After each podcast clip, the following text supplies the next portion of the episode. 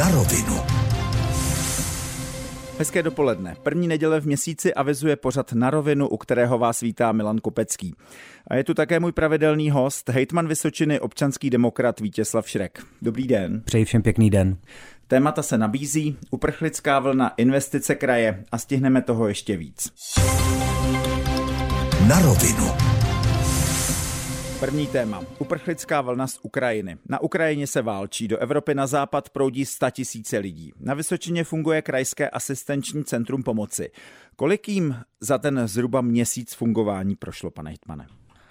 Naším krajským asistenčním centrem prošlo za ten měsíc zhruba 8 tisíc osob, který přišli z Ukrajiny. Máte představu, kolik jich je na Vysočině celkově, nebo to číslo je rovné? Máme představu, protože máme statistiku ministerstva vnitra, která ukazuje, kolik lidí tady skutečně má ten hlášený pobyt.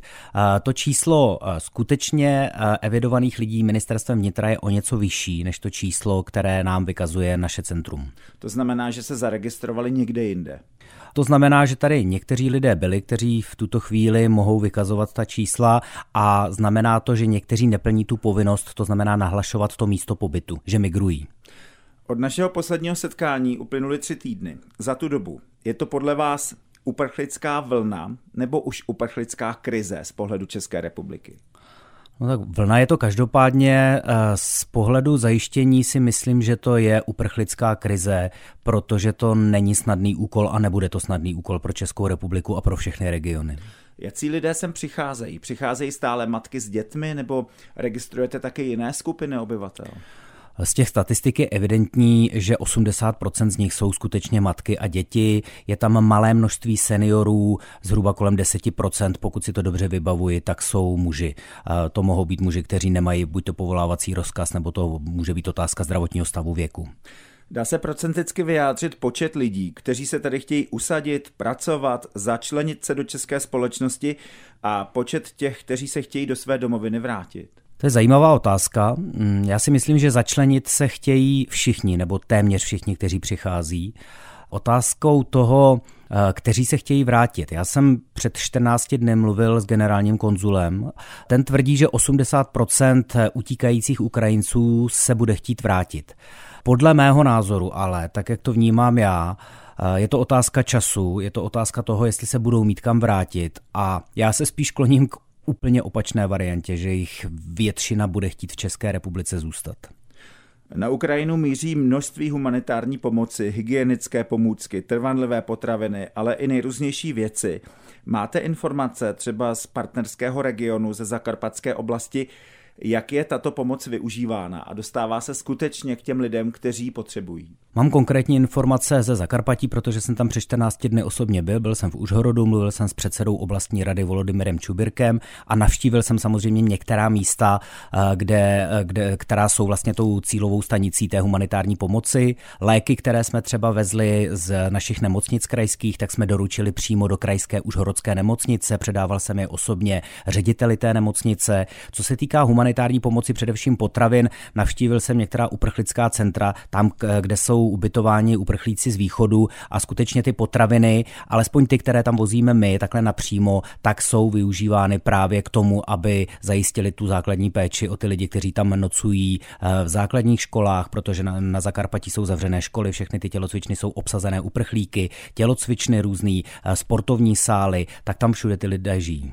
A ta pomoc míří skutečně na ty hranice a tam se využívá.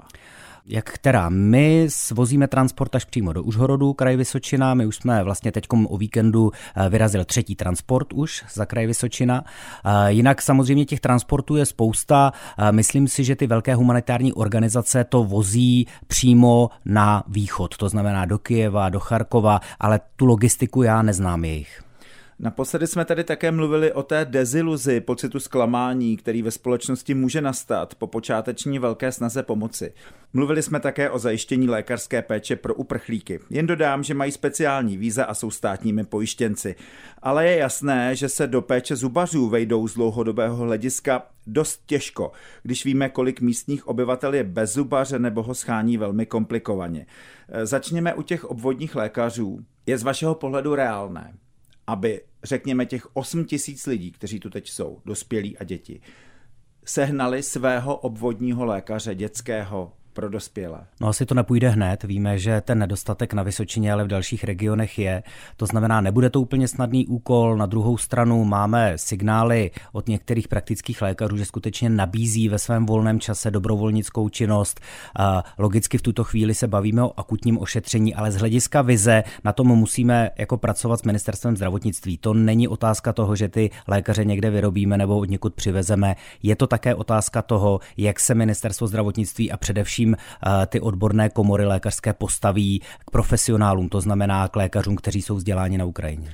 Podobné je to ze zubaři lze zajistit zubní péči pro takový počet lidí? V tuto chvíli si to nemyslím, že, že toho jsme schopni. Na druhou stranu ale je potřeba říct, že uprchlíci mají v tuhle chvíli jiný starosti než třeba eh, preventivní péči. Ale když vás začnou bolet zuby, jistě, ale máme pohotovost, máme pohotovost, kterou se snažíme jako kraj nějak eh, ve spolupráci s prakti- se stomatologií, tak se ji snažíme zajistit. Teď jsme v několika posledních dnech o tom s nimi mluvili. Opravdu hledáme ty cesty tak, abychom nemuseli přistupovat k sankcím, které nám vlastně zá zákon umožňuje. Je to spíš o nějaké dohodě eh, nejenom mezi krajem, který koordinuje, nikoli má povinnost zajišťovat, ale koordinuje a mezi těmi, těmi stomatology samotnými.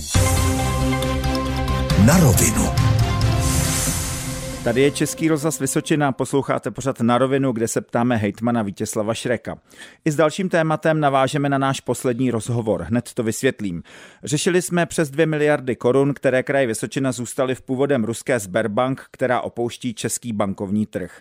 Říkal jste, že to byly úspory a peníze připravené k financování evropských projektů, které se nejdřív musí udělat, zaplatit a až pak Unie dotace proplácí. Už víte konkrétně, co z důvodu těch nedostupných peněz nebudete schopni postavit, opravit a tak dále v blízké době? No zatím jsme udělali aktualizaci našich plánů a v tuto chvíli nemusíme přistoupit k tomu, že bychom nějaké projekty, které jsou ve fázi realizace, tak je zastavit. To znamená, snažíme se všechny projekty zrealizovat. Co se týká připravovaných projektů, tam dlouhodobě budeme trošičku pracovat s cashflow a s tím finančním plánem a možná budeme muset některé projekty trošičku v čase posunout, tak aby jsme skutečně peníze peníze na předfinancování měli. Nicméně to není jenom otázka plánování, je to otázka i zajištění finančních prostředků. Eh, jednak jednáme s ministerstvem financí, zda by nám nemohlo nějakým způsobem pomoct a samozřejmě nám nezbyde nic jiného, než ty peníze, které ve Sberbance v tuto chvíli máme zadržované, tak si je půjčit od bankovních domů. Máte nějaké informace o tom insolvenčním řízení, které někdy v budoucnu začne? Z oficiálních zdrojů nemám žádné informace, protože Česká národní banka eh, odmítá jakékoliv informace sdělit, byť jsem zaslal guvernérovi dopis. Eh, stejný dopis jsem zaslal i ministrovi financí a spíš se snažíme dobrat informací prostřednictvím nějakých právních konzultací a lidí z bankovního sektoru. Bude kraj i nadále pomáhat svým organizacím, které mají ve Sberbank peníze? Pokud se bavíme o zřizovaných organizacích, tak určitě uděláme všechno pro to, aby uh, naše organizace fungovaly standardně. A co organizace nezřizované krajem, jako je Zoologická zahrada Jihlava, ta patří městu Jihlava a má ve Sberbance zhruba 16 milionů. Pak je to také město Chotěboř, kterému tam zůstalo přes 100 milionů korun a tak dále. Takovým subjektům, byť s nimi tedy nemáte v administrativní rovině nic společného, by kraj v případě jejich žádostí byl ochoten pomoci? Nemyslím si, že to bude v silách kraje. Říká hejtman Vysočiny občanský demokrat Vítězslav Šrek. Na rovinu.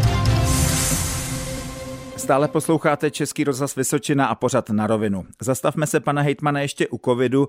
S válkou na Ukrajině epidemie téměř vymizela z veřejného prostoru, i přesto jsou tady stále vysoké počty pozitivních lidí. Je důvod se covidu stále bát? Mm, já si nemyslím, že je to to správné slovo, aby jsme se covidu báli. Eh, myslím si, že platí to, že s covidem nějakým způsobem budeme muset žít a naučit se to, ale obezřetnost je určitě na místě, můj názor je na to známý. Já si myslím, že covid je velmi zákeřná choroba a může nám ještě v příštích měsících a možná především na podzim ukázat svoji sílu. Je dobré s tím počítat. Všichni vidíme, že ty statistiky, ta čísla neklesají. Pořád má Česká republika zhruba 10 tisíc nakažených denně. Je to otázka spíš těch zdravotních dopadů a ty je potřeba sledovat. Jak jsou na tom ti nejzranitelnější seniori? Zatím ty statistiky vykazují a potvrzují to, co říkám. Zdravotní dopady covidu v tuto chvíli nejsou nějak dramatické. Je zhruba 100 lidí v nemocnicích krajských na Vysočině. Z těch jednotek intenzivní péče je obsazeno zhruba 5 až 10 lůžek stále. To znamená, covid ještě neustoupil, ale ty zdravotní dopady se zdají být akceptovatelné v tuto chvíli. A čeká nás v blízké nebo vzdálenější budoucnosti další očkování a další očkovací kampaně a tak dále? Já si myslím, že v tuto chvíli to není úplně aktuální, ale předpokládám, že ministerstvo zdravotnictví má nějaký krizový scénář, protože vyloučit to úplně nejde. Uvidíme, co přinese podzim. A na závěr našeho pořadu ještě pár stručnějších témat. Kraj Vysočina je podle ankety zvané Kraj mého srdce třetím nejoblíbenějším krajem v České republice. Před ním je Jihočeský a Jihomoravský kraj.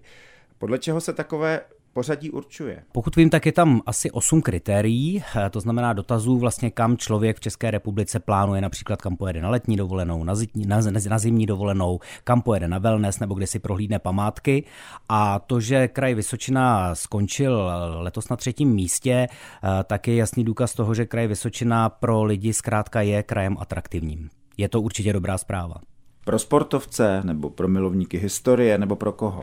No, já si myslím, že si tam každý najde svoje, že ten, kdo chce se toulat po kopcích a je turista, vlastně sportovec, tak určitě pro něj je Vysočina atraktivní. Máme tady spoustu wellness center, přestože jsme takový kraj, eh, řekl bych vesnický, tak já si myslím, že to právě to atraktivní může být pro řadu lidí z jiných krajů České republiky. Kdyby byly na Vysočině Vinohrady, možná bychom skončili výš? To je otázka, kdyby byly Vinohrady. Já bych si to přál jako rozený znojmák. Ještě jedna otázka. Vysočina v pohybu. Kraj se rozhodl, že rozhýbe lidi na Vysočině. Jak to chcete dokázat? No chceme je motivovat a e, to, co nás napadlo, je umožnit jim sportovat zdarma, bezplatně. To znamená, vypsali jsme vlastně výzvu, aby provozovatelé se přihlásili do našeho registračního systému, nabídli svoje prostory a aby umožnili týden lidem ochutnat nové sportovní aktivity, aby je pokusili se nalákat znovu na ta sportoviště. Já si myslím, že to dvouleté covidové období na většině z nás nás zanechalo určitý dluh, co se týká péče o svoje tělo, a teď myslím především o tu fyzickou část našeho těla, tak doufám, že toho lidé využijí. A v tuto chvíli máme mm, zhruba 40 smluv, podepsaných s jednotlivými, eh, s jednotlivými eh, provozovateli. Původně jsme plánovali eh, částku uvolnit až 10 milionů korun. V tuto chvíli to vypadá, že ji zdaleka nevyčerpáme, ale na druhou stranu budeme teď potřebovat peníze i na jiné věci. Takové bylo Dubnové na rovinu. Za odpovědi děkuji hejtmanovi občanskému demokratovi Vítězslavu Šrekovi a za měsíc naslyšenou. Děkuji za pozvání, všem pěkný zbytek víkendu a naslyšenou. Ještě dodám, že záznam našeho pořadu najdete za pár okamžiků na webu vysočina.rozhlas.cz a na portálu a ve stejnojmené aplikaci Můj rozhlas. Za měsíc naslyšenou se těší Milan Kopecký.